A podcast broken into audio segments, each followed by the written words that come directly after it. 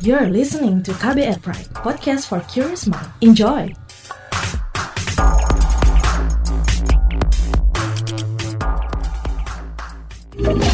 Kamu lagi dengerin What's Trending KBR Pagi. KBR Pagi, siaran pagi radio paling update. Selamat pagi. Kembali lagi dan berani menemani pagi hari Anda di What's Trending KBR Pagi di hari Rabu 8 Juni 2020. Pagi ini kita ngobrolin soal apa tantangan Indonesia jadi negara berpenghasilan menengah ke atas. Jadi, uh, Indonesia itu dikelompokkan di kelas yang lebih tinggi, yaitu sebagai negara berpendapatan menengah atas oleh Bank Dunia. Setelah sebelumnya pada tahun lalu Indonesia berada di kelompok negara berpendapatan menengah bawah. Menurut Bank Dunia pada 1 Juli lalu gross national income per kapita Indonesia itu naik dari posisi sebelumnya 3.840 dolar Amerika Serikat menjadi 4.050 dolar Amerika Serikat. Dan menurut Lembaga Kajian Ekonomi Institute for Development of Economics and Finance atau INDEF, Indonesia berpotensi kembali menjadi negara berpendapatan menengah ke bawah jika pertumbuhan ekonomi 2020 ini turun. Sementara menurut Presiden Joko Widodo, Indonesia berpotensi menjadi negara maju dengan syarat salah satunya sumber daya manusia SDM yang unggul. Wow. Seperti apa ya kira-kira sumber daya manusia yang unggul yang um, menjadi syarat Indonesia berpotensi menjadi negara maju yang dimaksudkan Presiden Joko Widodo? Kita akan bahas pagi ini, tapi sebelum kita lanjutkan, kita akan dengarkan seperti apa keriuhan netizen plus 62 di media sosial ini dia. Yang pertama kita bacakan komentar dari Ed Alimudi 378-78507 Indonesia masuk dalam kategori negara berpenghasilan menengah ke atas. Mungkin yang dimaksud penghasilan para koruptor tuan. Hashtag negara para koruptor Beralih ke akun @d underscore ayu underscore pitaloka. Banyak yang miskin dan menganggur.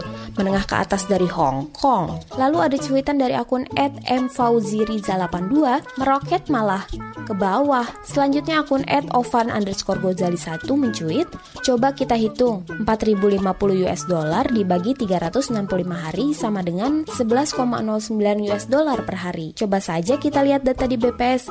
Berapa jumlah rakyat Indonesia yang memiliki penghasilan di bawah 10 dolar Amerika per hari. Akan kelihatan ada lebih dari 100 juta orang sudah menengah ke atas. Sudah maju. Lanjut akun @arif underscore val 97 mengatakan, yang bikin heran ketika naik kelas dibully netizen. Gak naik kelas juga sama dikritik. Terus kalian maunya apa? Investor asing beberapa oknum menolak otomatis negara kita nggak ada tambahan penghasilan, giliran utang pada koar-koar ke pemerintah. Indahnya negeriku war terus.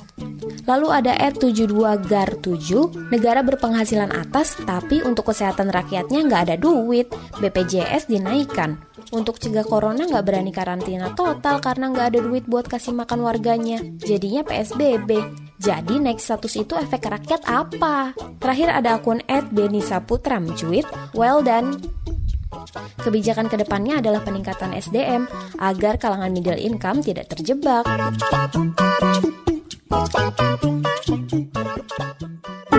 What's Trending KBR Pagi? Masih di What's Trending KBR Pagi bersama saya Don Brady. Pagi ini kita ngobrolin soal apa tantangan Indonesia jadi negara berpenghasilan menengah ke atas.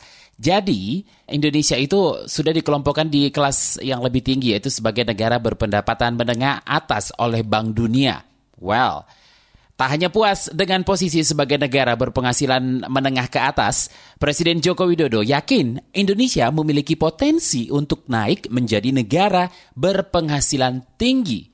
Kita simak pernyataannya berikut ini. Dalam laporan Bank Dunia yang diumumkan tanggal 1 Juli, gross national income per kapita Indonesia naik dari posisi sebelumnya 3.840 dolar Amerika Serikat menjadi 4.050 dolar Amerika Serikat. Dengan demikian, posisi gross national income Indonesia naik dari lower middle income menjadi upper middle income country. Capaian ini patut kita syukuri bahwa kita berjalan ke arah yang benar bahwa kita harus terus melangkah maju menuju ke negara berpenghasilan tinggi. dengan mengedepankan keadaan sosial bagi seluruh rakyat Indonesia. Menjadi negara berpenghasilan tinggi bukanlah hal yang mudah. Banyak negara-negara dunia ketiga yang sudah puluhan tahun, bahkan mendekati satu abad, hanya berhenti sebagai negara berpenghasilan menengah. Artinya, mereka terjebak pada middle income trap. Itulah yang tidak kita inginkan. Pertanyaannya, apakah kita mempunyai peluang untuk keluar dari middle income trap?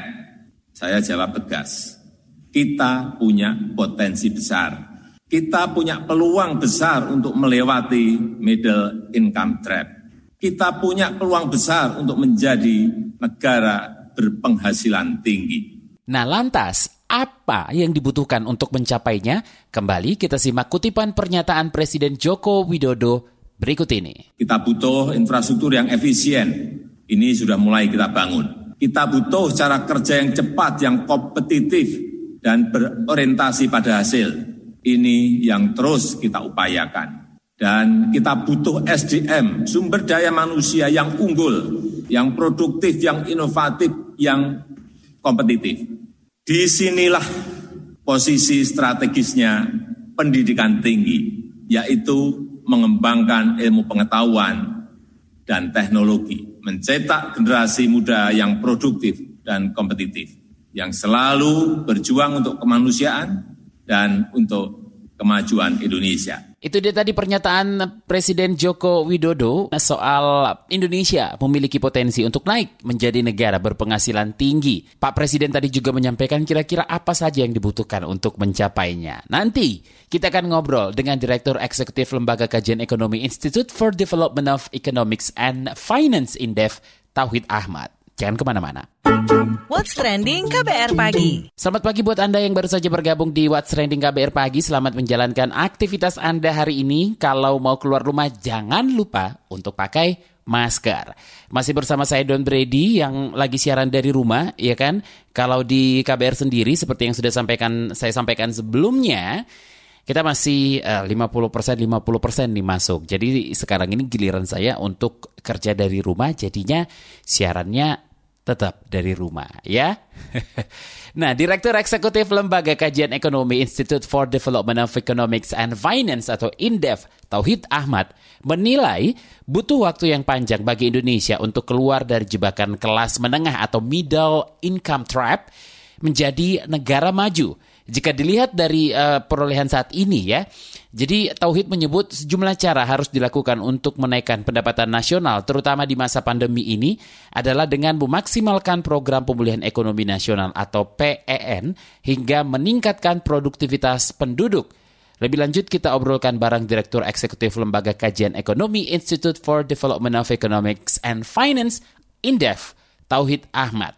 Oke, Mas Tauhid, soal kenaikan kelas itu apa saja imbasnya di masyarakat, baik secara langsung maupun tak langsung nih? Bagi masyarakat kan sebenarnya karena kesejahteraan meningkat ya, artinya karena JNI per kapita naik kan. Kalau kesejahteraan meningkat otomatis kemiskinan juga turun seperti ditunjukkan oleh data BPS kita yang turun dari tahun ke tahun. Artinya orang yang miskinnya berkurang lah, itu yang pertama. Nah tetapi memang dampak lainnya ini akan meningkatkan kepercayaan investor bahwa Indonesia dengan bentuk yang besar itu dompetnya semakin tebal. Kalau dompetnya semakin tebal, otomatis apa? Ini akan menarik investor bagi investor yang ingin membangun investasi di sini, terutama Indonesia sebagai negara market atau negara dengan pasar penduduk terbesar. Saya kira lebih dari 260-270 juta penduduk. Nah itu kan kalau penduduk kita besar dan dompetnya semakin tebal ya otomatis investasi akan masuk. Kalau investasi masuk, yang membuka harapannya lapangan pekerjaan akan semakin banyak. Harapannya seperti itu. Kalau saya kira memang karena kesejahteraan ini meningkat, ya otomatis efek-efek daripada katakanlah urbanisasi, kemudian pelindungan sosial dan sebagainya akan semakin besar yang dibutuhkan. Begitu nih yang saya kira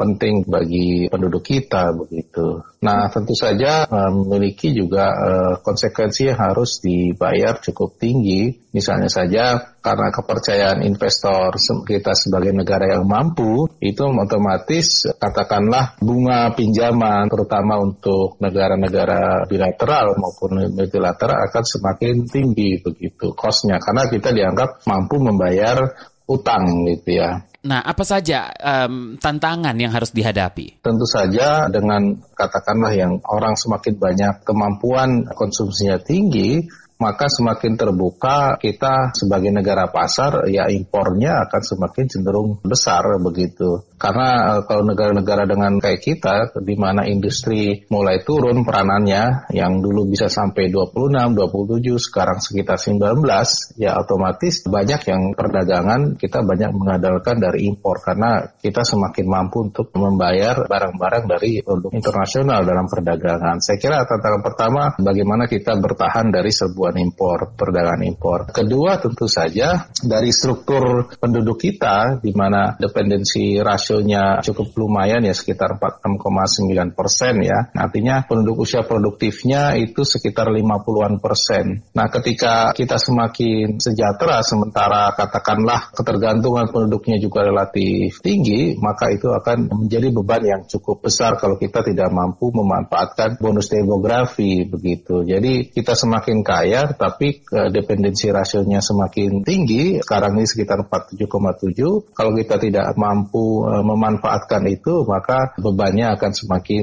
tinggi. Oke, bagaimana menguatkan masyarakat agar siap menghadapinya? Yang pertama adalah peningkatan produktivitas penduduk sebagai motor penggerak perekonomian. Jadi kembalikan, jadi kita semakin sejahtera, tidak cukup puas, tapi bagaimana produktivitas itu meningkat seperti uh, itu kayak gimana gitu. Yang pertama adalah tentu saja proporsi penduduk usia yang produktif ini benar-benar dimanfaatkan sebagai roda penggerak uh, perekonomian. Kalau kita lihat kan penggerak perekonomian kita berasal kan sebagian besar itu dari sumber keuangan bukan dari produktivitas. Jadi itu uh, dikembalikan uh, lagi. Kedua tentu saja memanfaatkan program PEN seoptimal mungkin. Nah ini kan kita mau turun di 2020 kan karena kemungkinan turun, memantaukan agar ekonomi kita tidak negatif di tahun 2020, agar tidak turun kelas lagi begitu ya, jangan sampai kita negatif karena itu ya bagaimana meningkatkan program PEN ini efektif sehingga kita tidak terjerembab ke pertumbuhan ekonomi negatif. Ketiga saya kira karena kita agar keluar dari middle income trap,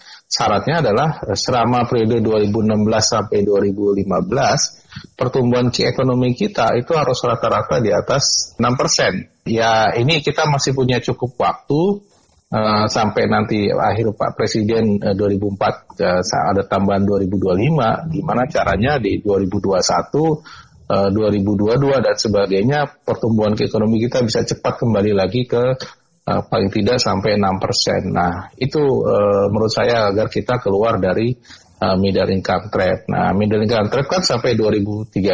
Nah, maka itu setelah 2026 sampai 2035 pertumbuhan ekonomi kita harus ke katakanlah uh, keluar uh, rata-rata itu harus 7% per tahun. Nah, dengan status yang sekarang bagaimana kepentingan untuk mempertahankan ataupun menaikkan kelas? Penting agar uh, naik kelas ini tidak mudah cepat puas bahwa kita masih baru batas bawah dari kelas menengah ini begitu loh. Jadi secara regulasi saya kira kepentingannya besar. Yang kedua uh, dan ini uh, sorry ini dalam rangka memang dikembalikan lagi ke masyarakat sehingga kepentingannya adalah dengan naiknya kelas kita ini juga harus dijadikan momentum untuk pengurangan gap atau ketimpangan pendapatan. Kalau tadi kita lihat kan rata-rata 4050 eh, ya kemarin uh, yang dimukat Bank Dunia. Jangan sampai secara rata-rata kita naik, tapi uh, rasio indeks Gini kita itu masih relatif tinggi 0,398 kalau nggak salah. Tapi perlu dicek. Nah jangan sampai itu tinggi, kuenya makin besar, tapi ketimbangannya jadi makin relatif tinggi. Jadi artinya bahwa nanti akan semu begitu